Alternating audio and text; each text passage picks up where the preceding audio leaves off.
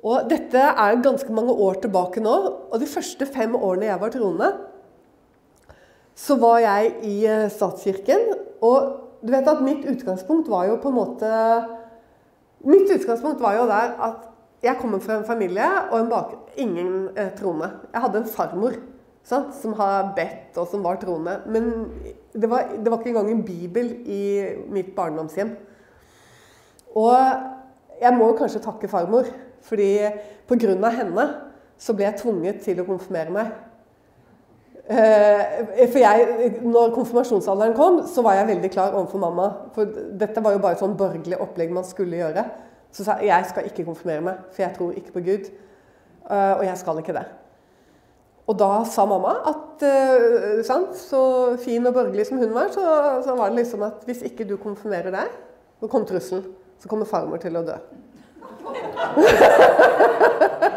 altså, hvem kan være farmors død for sin samvittighet resten av livet?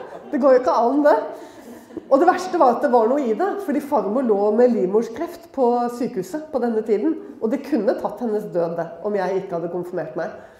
Så det var det jeg fikk høre. Det var bare klar beskjed. Og jeg er veldig glad for det, at jeg ble tvunget til å konfirmere meg. For da lærte jeg Fader vår. Og det var det eneste jeg lærte, for jeg var så i opposisjon. Så jeg satt sånn i all konfirmasjonsundervisning sant, med hendene sånn og bare Satt, skjønner du, Og demonstrerte at jeg var ikke her av fri vilje. Jeg var tvunget inn gjennom dørene her. Men jeg lærte Fader vår, for det pugget jeg utenat. For jeg tenkte at hvis jeg kommer på høringen og jeg ikke kan Fader vår engang, da stryker jeg om å gå hjem fra kirken. Og det blir så flaut, liksom. Så jeg pugget utenat uh, Fader vår. Og, og kjempeflaks. Jeg ble hørt i Fader vår. Så det hadde jeg lært. Og når Gud kom Altså, Gud frelste meg. Altså, det var en prosess med, under studietiden på Blindern med masse sånn, altså, tanker. Og jeg, det som var, at jeg hang meg opp i, begrep, i be, sannhetsbegrepet. Jeg studerte filosofi og jobbet med eh, eh altså, vitenskapsteori og logikk og den type ting. Og var helt totalt opphengt i hva sannhet er. Og det førte meg inn i hele filosofihistorien. Jeg holdt på opp til mellomfag. Jeg var helt besatt av det. Og dette gjorde at jeg med hodet mitt etter to år skjønte at eh, Altså at det var at Jeg forsto at filosofien har ikke svaret. For spørsmålet er ikke 'hva er sannhet'? Spørsmålet er 'hvem er sannhet'? Så, det var sånn, så når jeg leste gjennom russisk litteratur om samtalen mellom Pilatus og Jesus, hvor Pilatus sier 'hva er sannhet'? Og det var bare sånn og, jeg, og Jesus det, liksom, det, var bare helt utrolig for meg, da. Så da ble, gikk jeg rundt og sa nærmest at jeg var kristen. For jeg, jeg var helt overbevist liksom, at eh, kristendommen, altså den tullete kristendommen, den hadde, den hadde liksom svaret og løsningen. Men, ble, men, jeg måtte jo inn i en skikkelig personlig krise før jeg ble født på ny og frelst. Det, tok, det skjedde liksom halvåret etterpå, på en måte.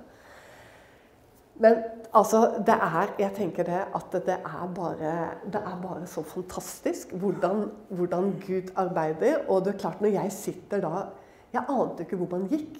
Altså, Gud frelste meg rett og slett på natta, og Fader vår ble helt avgjørende for meg. Det var den første bønnen jeg ba til Gud. Og jeg, jeg, kjente ikke et kristent menneske. Jeg hadde aldri vært i en menighet sånn som dette her. Og da hadde jeg sikkert blitt livredd og løpt ut. liksom hvis, sant? Og syntes det var kjempeskummelt hvis jeg hørte tungetale eller et eller annet sånt. Så jeg begynte i Oslo domkirke. Og der gikk jeg noen år og, og satt sammen med noen gamle damer. Og, og, de, og jeg satt og gråt hver gang presten åpnet munnen, for jeg syntes alt presten sa var helt fantastisk. Men du vet, du fikk jo ikke noe undervisning om eh, dybdene i ord og den type ting. Og, og, du vet at Hvis ikke du får forkynt det, det, som har med det profetiske ord og disse tingene å gjøre, så forstår du det. Du forstår det ikke. Og, du, og Israel blir en veldig sånn u... Altså, hva, hva er greia, liksom?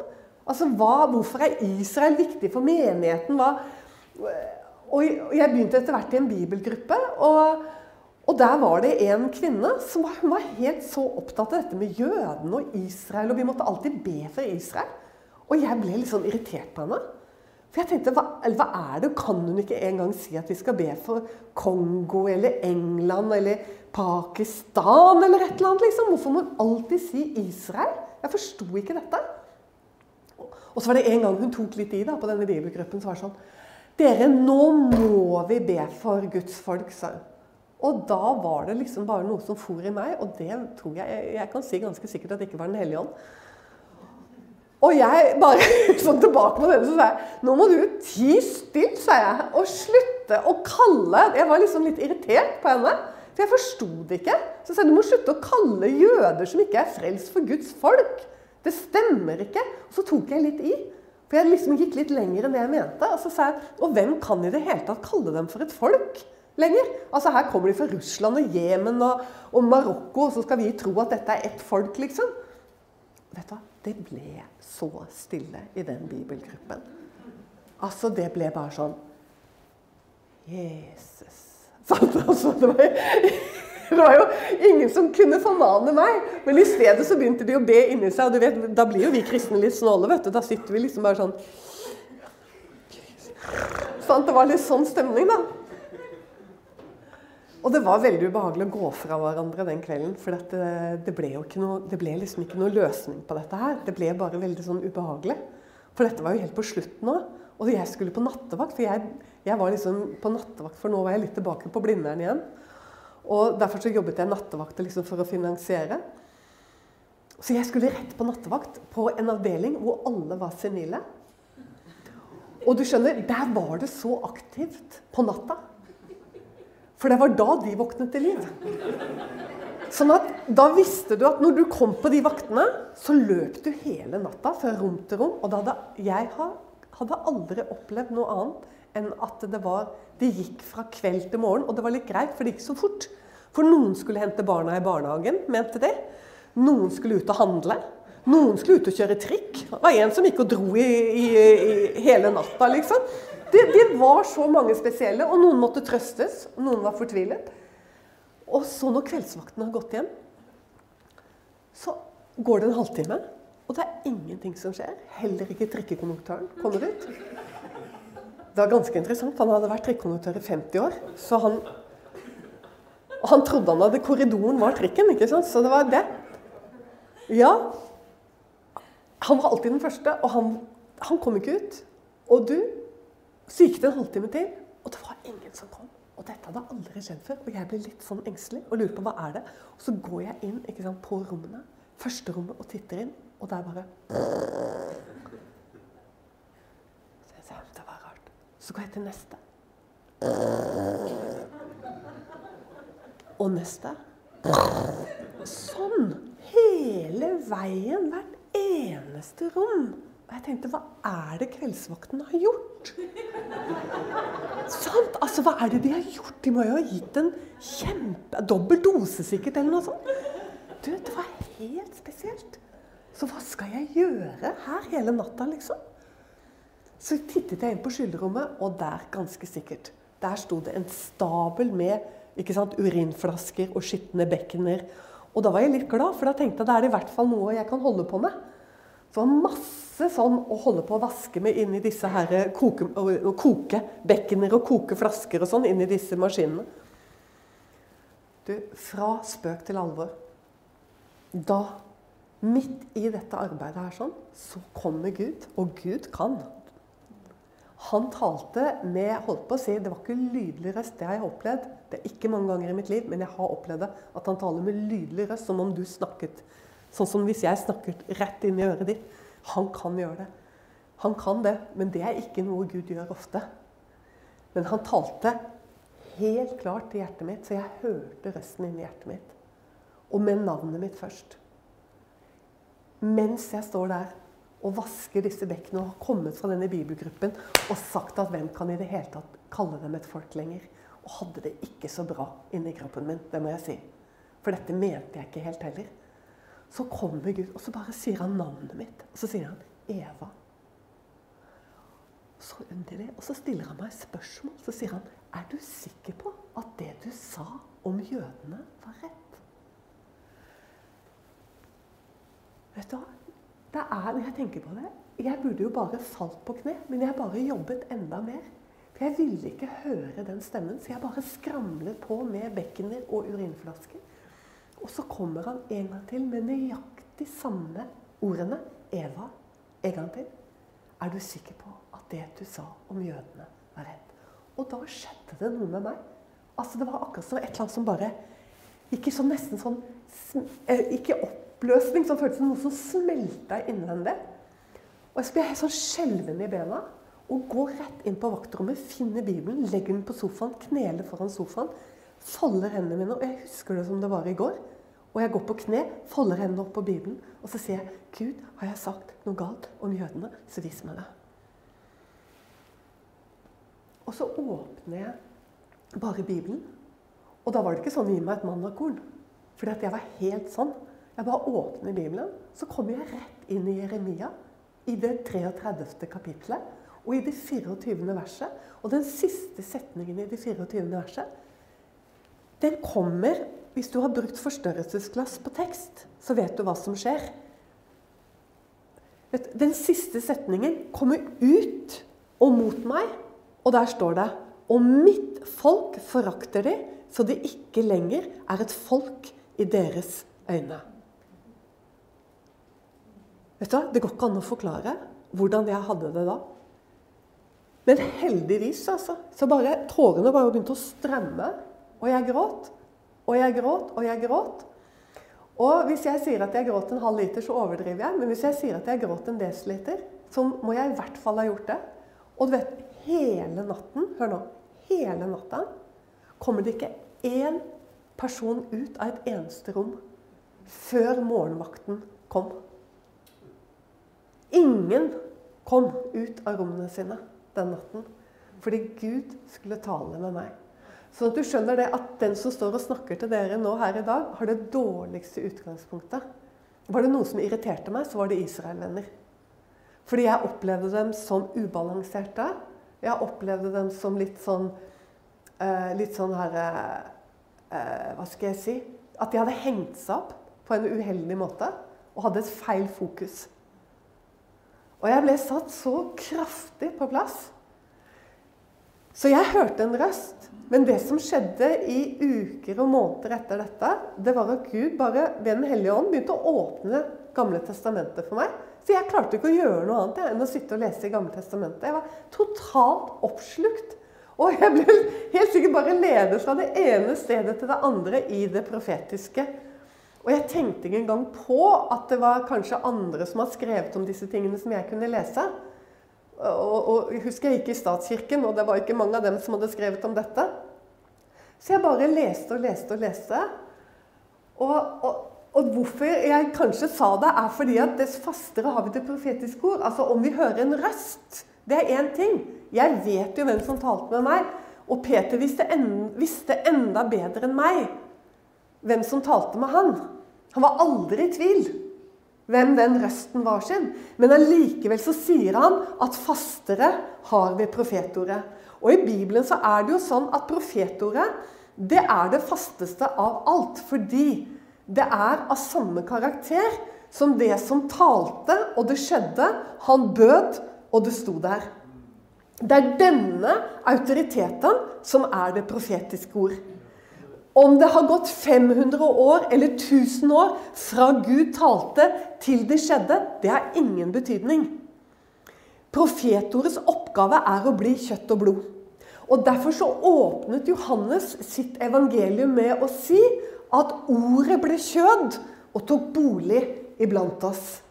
Fordi profetordet om han måtte bli kjøtt og blod og måtte ta bolig. Men det gjelder jo ikke bare Jesus. Det gjelder alt Gud har sagt at 'jeg vil'. Og så kommer det det han vil gjøre. Så sier han igjen 'jeg vil', og så kommer det han sier han skal gjøre. Da må han oppfylle det. Så når vi leser i Bibelen, så har vi tre alternativer. Enten så er det oppfylt, eller så holder det på å oppfylles, eller så skal det oppfylles. Det er de alternativene vi har. Sånn at når vi holder på med det profetiske, så holder vi på med en absolutt autoritet. Det eneste valgene vi har, det er verbets bøyninger. Fortid, nåtid, framtid. Og så sier jo Peter at hvorfor gjør vi vel å gi akt på det profetiske ord? Fordi Jesus sa at 'nå sier jeg dere det før det skjer'. For at dere skal tro når det skjer. Så det er gitt oss som et lys i mørket. Mørket i Bibelen er alltid i slike sammenhenger verden. Det er det mørke. Det er verden. Så er profetordet lyset vårt som skinner på et mørkt sted. For at vi skal ha lys i vår tid. Derfor sier Jesus at 'nå har jeg sagt dere det før det skjer', for at dere skal tro når det skjer. Og da kan de mest eh, tilsynelatende negative ting bli veldig positivt for oss.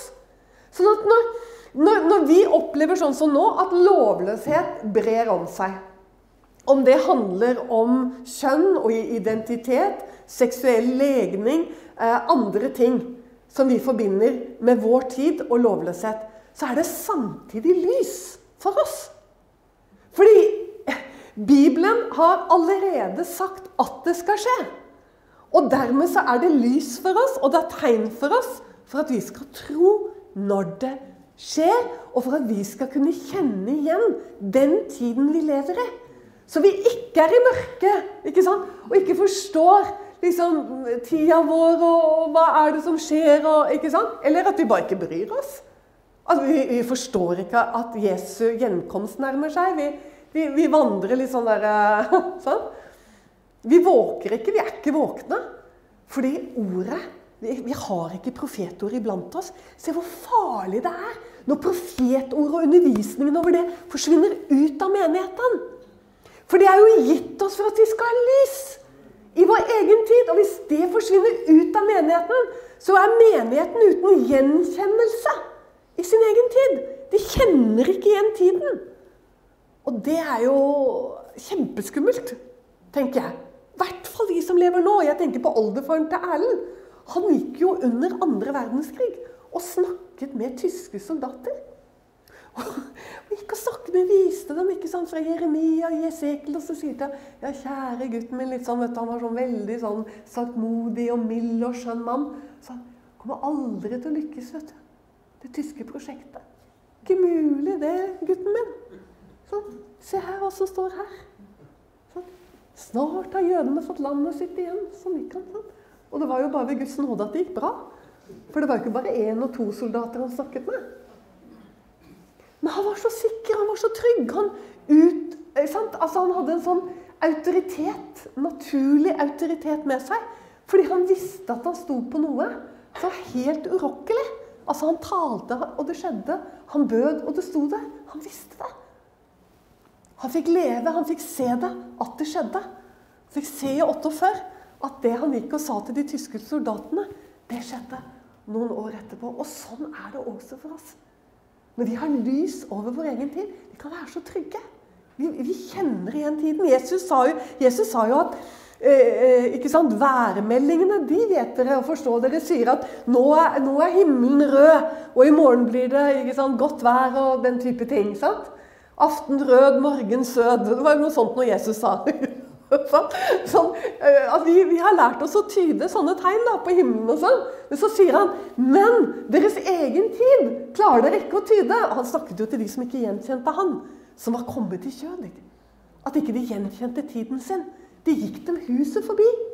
De klarte ikke å kjenne det igjen.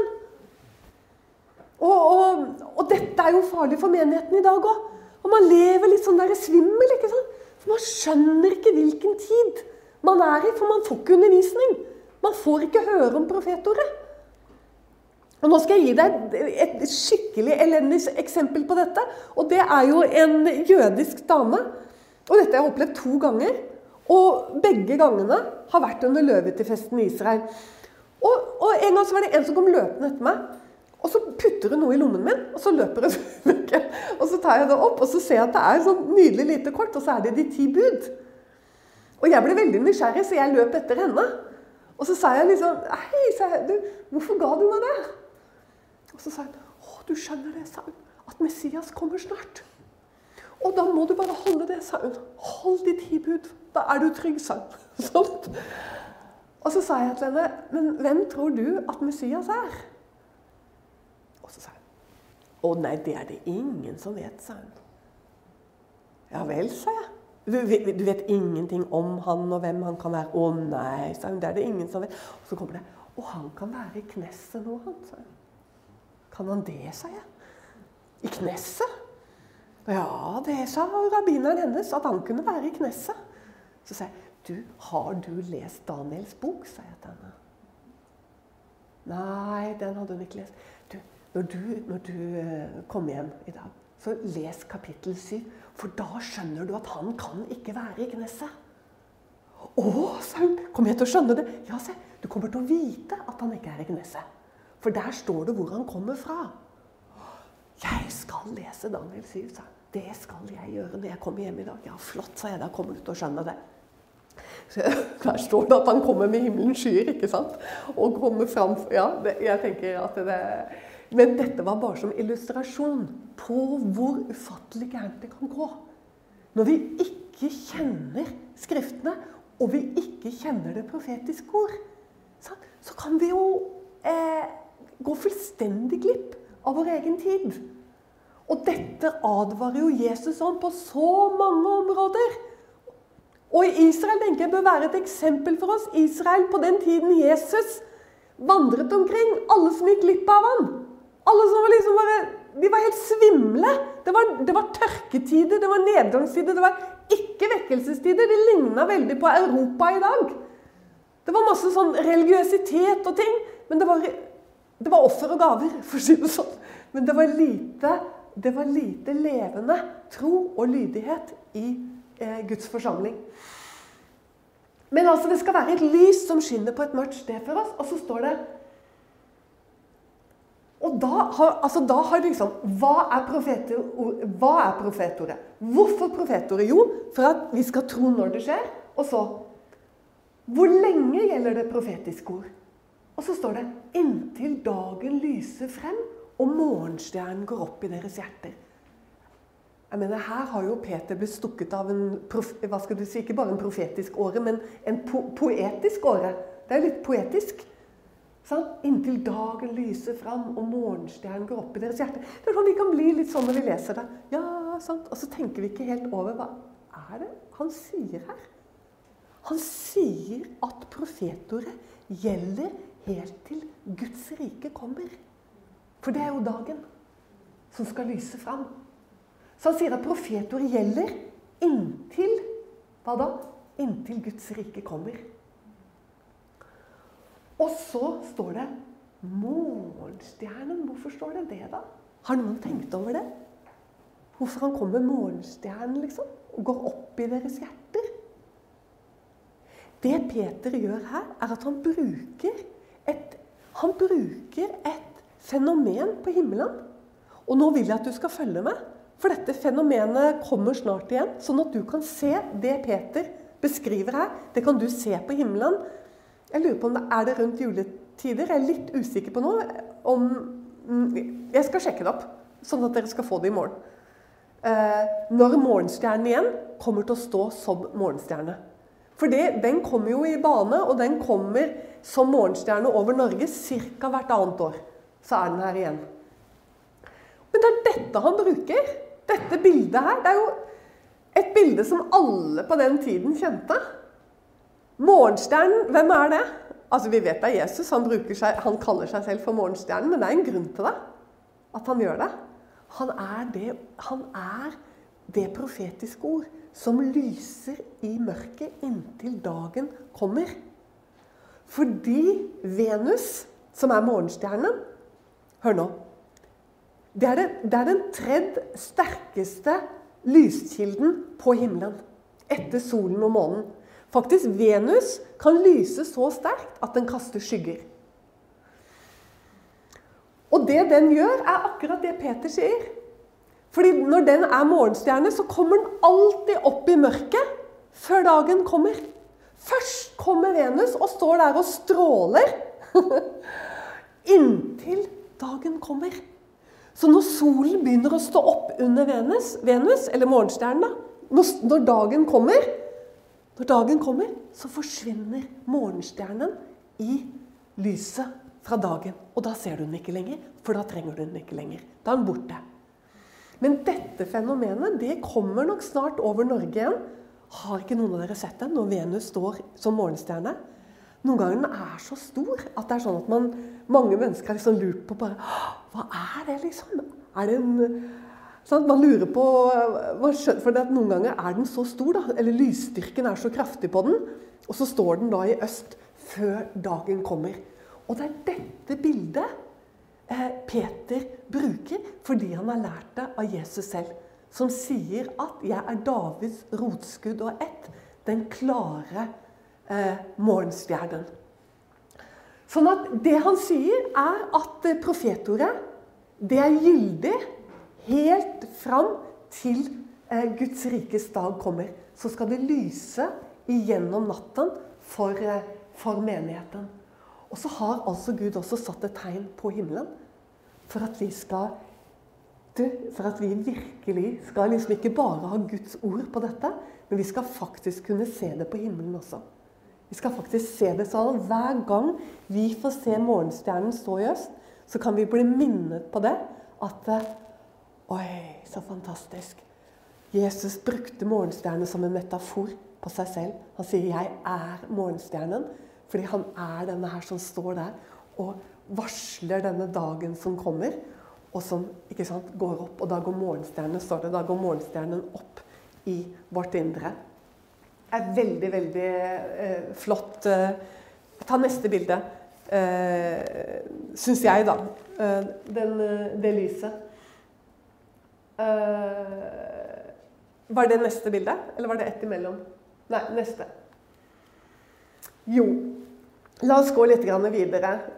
dette å kunne skille og vite Hva er det altså, For noen ganger har jeg hørt at noen har brukt profetier som er litt problematiske, fordi de like godt kan handle om hjemkomsten fra Babylon som hjemkomsten fra folkeslagene. Og da må jeg si, for å vite at jeg har alle med meg eh, Hvor mange hjemkomster har profetene sett for det jødiske folk?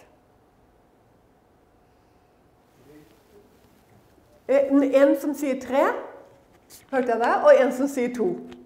Det er bra. Det spørs om du skal regne Du skal egentlig regne tre. Fordi Abraham fikk jo varsle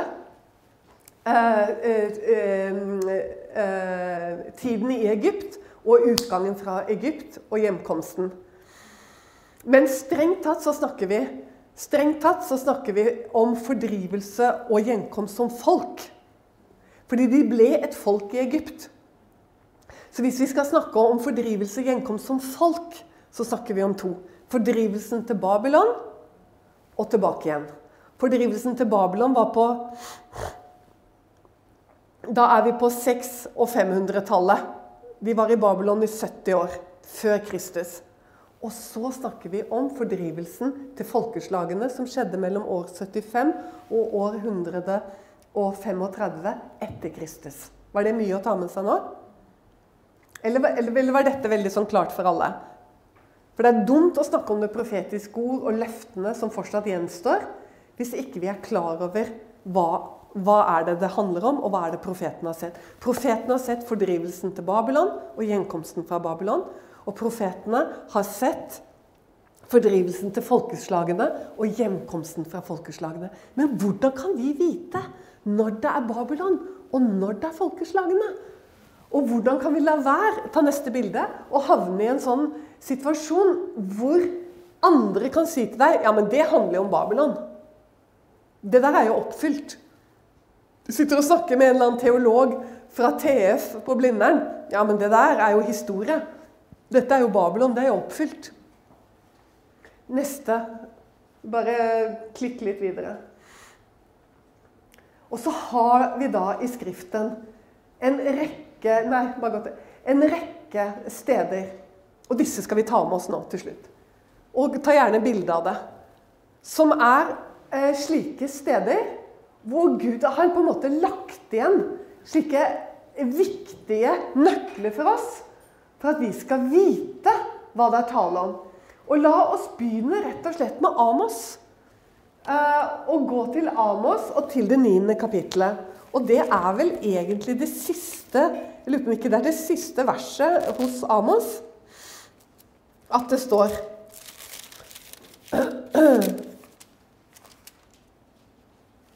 skal vi se Det står i 14. verset Jeg fører tilbake de bortførte fangene av mitt folk Israel. De skal bygge opp igjen de ødelagte byene og bosette seg der. De skal plante vingårder og drikke vinen fra den. De skal anlegge hager og spise frukten fra den. Fortsatt, Det er umulig å vite hvilken hjemkomst det er snakk om. Ikke sant? Du er enig med meg i det? Det er ingenting her som, til, som gjør at du kan slå i bordet og si 'Der ser du! Jødene skal hjem igjen til Israel.' ikke sant? For det er noen ganger noen kan være litt sånn uviselige. Sant? Selv om selvfølgelig det, de skal gjøre det igjen, så det handler om begge. Men, men, det er ikke noe bevis her overfor noen som skulle være en motstander av det du står for. da. At du sier ja, men her står det jo at de skal komme hjem og de skal anlegge hager og sånn. Ja, men altså, sorry. Det gjorde de når de kom hjem fra Babylon også. Så det, det, det er ingenting her som skal få en teolog eh, eller en prest eller en pastor eller en som mener at det profetiske ord for Israel ikke er gyldig lenger. Men du må lese, så kommer det videre. Så står det Jeg skal plante dem i deres land, og de skal aldri mer rykkes opp fra sitt land. Det jeg har gitt dem, sier Herren din Gud. Og da begynner vi å, å snakke over i en litt annen sammenheng. Og hva, er, og hva er det her? Hva er det her som er spennende av det jeg sa nå? Hva er det du kan slå i bordet med her? Nettopp! Så, for hvis dette handlet om Babylon, så, så, er det jo umulig. Fordi at de ble jo nettopp rykket opp igjen. Bare noen hundre år senere, altså 500-600 år senere, så ble de jo rykket opp igjen. Så det kan jo være, dette kan jo ikke være Babylon. Og det er så deilig med disse stedene. Sånn? Så, hvis da, så da, hvis det er en som har lyst til å si at ja, men, nei, nei, nei, det der, det der, er Babylon Nei, men det er jo umulig. Fordi at uh, de ble jo rykket opp igjen. Sånn? Så der har du en sånn en. Og det er disse stedene som er viktig å være klar over, og hvor de er hen. Så det var Amos 9. Så hvis vi nå går til Jesekel, da, til 39. kapittel, der er det også en sånn her, Lagt med en nøkkel til oss. I Esekel 39 Jeg vet ikke, Satte jeg det opp der? Jo, det gjorde jeg. Um, og der står det Når jeg fører dem tilbake 27 Når jeg fører dem tilbake fra folkene og samler dem fra deres fienders land, og jeg helliger meg iblant dem for mange folkeslag da skal de kjenne at jeg er Herren deres Gud, som førte dem i fangenskap blant folkeslagene, men som også samlet dem til sitt land, og ikke hør nå, lot noen av dem være igjen der lenger. Åh, så bra! Sånn. For en profeti! Altså Hvis det da skulle være en uh, biskop eh, Fikse Tveit, eller hvem uh, Jeg vet ikke hvem av dem det er du snakker med. Sant? Og, eller, eller en annen biskop Nå skal jeg kanskje ikke si hvem det er, fordi det var litt skammelig for han at han sa det. Men han sa det på Dagsrevyen i beste sendetid. Så var det Det er mange år siden nå. Men stakkars mann, han ble sikkert veldig overveldet, for det var i forbindelse med Israel og og konflikten der nede. Og så var det noe som skjedde innenfor kirken i forhold til dette med Israel og Palestina. Og så ble plutselig biskopen fikk plutselig mikrofonen fra journalisten. Og som han plutselig bare henvendte seg til biskopen. Helt, han visste ikke at han skulle få noen spørsmål i hele tatt. Og så sier han ja, men biskop, det at jødene nå kommer tilbake fra hele verden, er ikke det, er ikke det Bibelen, da? Og så sier han det har ingenting med Bibelen å gjøre. Skjønner du? Sånn at og det, og det, hadde jo vært så fint å bedt en av dem ut til lunsj og snakket litt over profetordet. fordi da må du jo i så fall si at Altså, hvordan kommer du utenom? Sånn som det her, da, hvor det står det at 'jeg lar ingen av dem være igjen der ute'. Da kan du jo si, da, kjære biskop, hvis det er sånn at Gud har sagt at hans plan er jo å føre alle jødene hjem Han, vil, han sier at han vil, han vil ikke at noen av dem skal være ute nasjonene. Ja, ja, men det, det, handler om Babylon, dette her. Dette er oppfylt. Dette, dette, er noe Ja, men biskop, det er jo umulig. For det, det vi vet når det gjelder Babylon, det var jo at de fleste ble igjen der ute. Det er jo det skrivende. Det er det som kjennetegner Babylon. Gjenkomsten fra Babylon er kjennetegnet på det, er at bare et mindretall kom hjem. Og mange av dem er der ute i nasjonene til denne dag. Sånn at de, Biskop, det er jo umulig.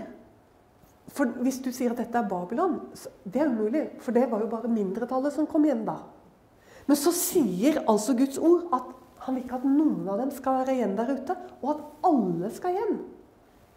Og uansett om du mener at det som skjer i dag, har med Bibelen å gjøre eller ikke, så sier jo Gud at hans plan, om det skjer i 2005 eller 2010 eller 2015 Hans plan er uansett at alle skal hjem. Ser du? Vi, vi kommer simpelthen ikke unna. Og da må det jo være velbehagelig og godt, da. Altså, Det kan jo ikke være noe eh, liksom, Kirken skal engasjere seg i som noe som er problematisk at jødene kommer hjem.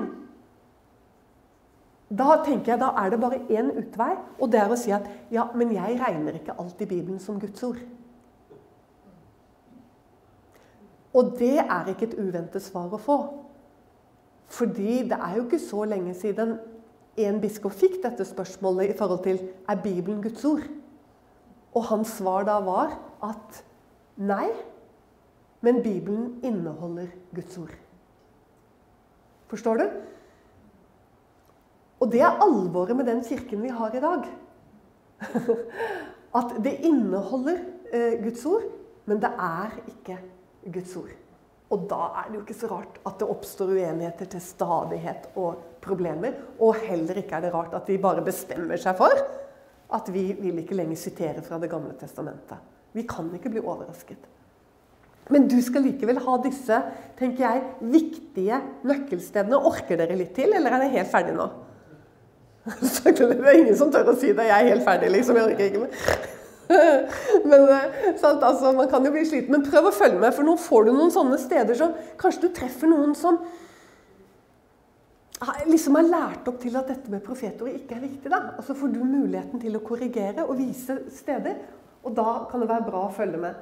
Men hvis vi da går til Skal vi ta nå Jeremia 23. Det er et annet sånn eh, veldig, veldig bra sted å ta med seg. Jeremia 23. La oss sjekke hva, hva det står der. Og det er også et av disse her gledelige stedene hvor det er lagt ned noen nøkler for at vi skal vite at det ikke er oppfylt, og at det ikke kan handle om eh, Babylon. Og da begynner jeg ifra mm, Skal vi se hvor jeg skal velge å begynne fra? Jo, syvende verset. 23, 7. Derfor, se Dager kommer, sier Herren. Da de, altså Du må bare skjønne konteksten. Jødene.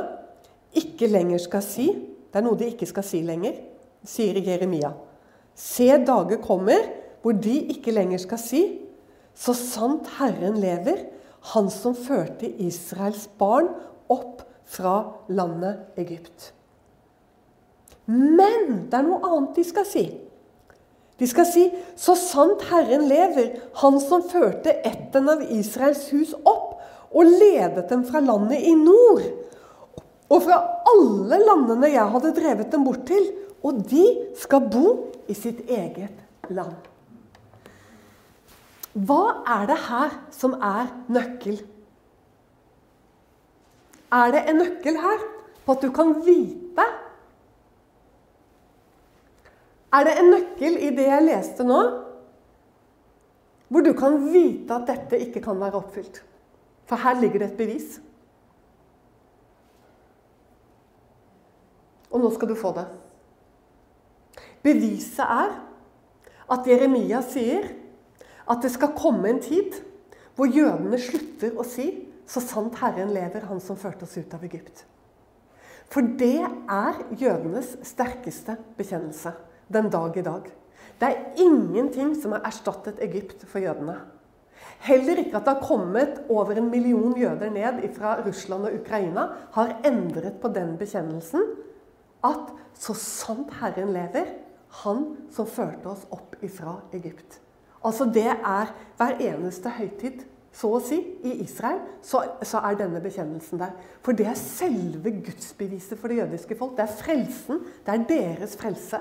Det var da Gud beviste at han var en levende Gud. Det han hadde sagt til Abraham 500 år før, at de skulle havne i slaveri i 400 år. Og så skulle han se til dem, og så skulle han dømme det folket. Og så skulle han fri dem ut og lede dem tilbake til landet sitt. Det sa han til Abraham, og det gjorde han. Han gjorde det akkurat slik som han hadde sagt. Han hadde ikke glemt noen ting. For jødene det finnes ingenting som er større. Og de religiøse jødene, og vi har bodd hos noen av dem, på grensen til Libanon, Erlend og meg. Superortodoks familie. Og til og med på sabbaten der så er det 'Så sant Herren lever', Han som førte oss ut av Egypt. Det er bekjennelsen nummer én. Det er selve, det er som korset for oss. Men så sier Jeremia det skal komme en dag hvor de glemmer Egypt. De skal ikke lenger bekjenne Egypt, men de skal i stedet bekjenne Han som lot dem komme ned fra landet i nord og fra alle nasjonene som vi var spredd til. Her har du Jesekel igjen. Jeg lar ingen av dem være igjen der ute. Alle sammen skal hjem, og han skal plante dem i landet sitt. Å, jeg bare for gåsehud. Du, så kan du spørre deg landet i nord, da? Det er jo nesten tømt for jøder. Altså Russland og Ukraina. Men hva var det som skjedde mellom 1880 og 1920 i Russland, hvis du da tenker Ukraina som en del av Russland på den tiden? Hva var det som skjedde med hele Vest-Russland mellom 1880 og 1920? I løpet av 40 år. Ja, nettopp. To millioner jøder rømte ut av disse områdene i det vestlige delen av Russland og Ukraina. Og du kan si over 90% av dem dro hvor da? De dro til et annet land i nord. De dro til USA. Så å si alle jødene, Hvis du lurer på alle jødene i USA, det er over fem millioner av dem, så å si alle sammen har russisk opphav. Så de bare vandret altså fra øst mot vest. Og der har de blitt til noe som overgår totalt Egypt. Nå er de over fem millioner i USA. Og så sier Jesekel jeg lar ingen av dem være igjen der ute. Så vi står foran noe som er så voldsomt. Alle skal hjem.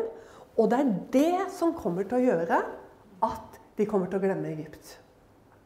Fordi jeg tenker Gud har dobla dem fra Egypt. Si at det var ca. 2,5 millioner. Dette, dette, kan du regne på i Bibelen. For det står at de var, Hvor mange menn var det som gikk ut til fots ut av Egypt? Husker du det?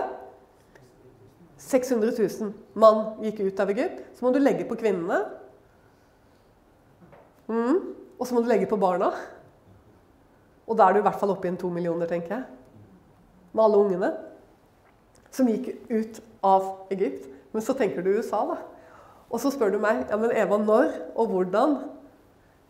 Jeg vet ikke. Jeg vet bare at de skal hjem, og jeg vet at dette er et exodus som eh, kommer til å bli eh, det som det står i Skriften, at Herren åpenbarer sin arm for folkeslagene. Han skal herliggjøre seg på sitt eget folk. Og det kommer til å bli så voldsomt som bare Gud kan gjøre det. Og de kommer aldri til å snakke om Egypt igjen. Og derfor, derfor tror jeg også at dette har, dette har et frelsesperspektiv i det òg. Et frelsesperspektiv for det jødiske folk. Fordi at eh, Egypt var jo frelse for dem. Det er jo med Moses, De fikk loven, de fikk blodet. De fikk læren om blodet og forsoningen. Sant? Dette var frelsen for dem den gangen. Nå skal de fødes på ny. Og dette med utgangen tror jeg, denne Exodus kommer til å ha med Messias å gjøre. Jeremia er, se, se, hvor langt de ser. Denne mannen levde altså da på 600-tallet. 500-600-tallet. Eh, 600-tallet før Kristus. Og ser altså fram i tid. Eh, og legger ned nøkler til oss for at vi skal kunne sitte og lese det og vite at dette er ikke oppfylt den dag i dag. Men vi lever i det. altså Vi er midt i en Vi er egentlig i en slags sånn pausetid. Vi, vi er i, vet du hva jeg tenker noen ganger om vår tid? Vi er nesten i stormens øye. Altså Vi er liksom i, denne, i øyet av denne orkanen. For du kan si det var en sånn orkan som blåste under andre verdenskrig, hvor seks millioner jøder ble drept. Det kostet det dem å få landet igjen. Husk at landet var nesten født når hatet og utslettelsesprofetien ble oppfylt. Altså forsøket på å utslette den. Da var jo nesten landet allerede født. Mange hadde begynt å komme hjem. Og så bare oh, kommer det, ikke sant? Antisemittismen, dørene går igjen i Europa, og seks millioner blir drept. Tenk deg da, det kostet landet. Tenk deg nå når de skal, eh, de skal bli født, altså skal, han skal blåse sitt, sitt liv i dem. Hva er det vi står innenfor? Halvparten har kommet igjen, halvparten står igjen der ute. Det er som vi er på en måte i orkanens øye. En slags sånn midlertidig ro før det kommer til å brake løs igjen. Så spenn sikkerhetsbeltene, kjære menighet. Og det gjør man i Guds ord. Det er der man spenner sikkerhetsbeltet. Vi går inn i utrolig tøffe tider. Men jeg håper også at vi går inn i tider med, med lys og med håp om vekkelse. At det skal være, at vi i hvert fall skal få se bønnebarna, at vi skal få se de vi er glad i, at vi skal få se en høst av mennesker rundt oss som kommer inn nå, når tidene bare kommer til å presse på, og det kommer til å bli eh, vanskelig. Eh, både for menighet og for folk utenfor menigheten, men på sikkert også veldig forskjellige måter. Men ordets oppgave, profeteres oppgave, er å være lys for oss dere i, denne, eh, i vår egen tid. For at vi ikke skal være i mørket, men for at vi skal ha lys forstå tiden vår.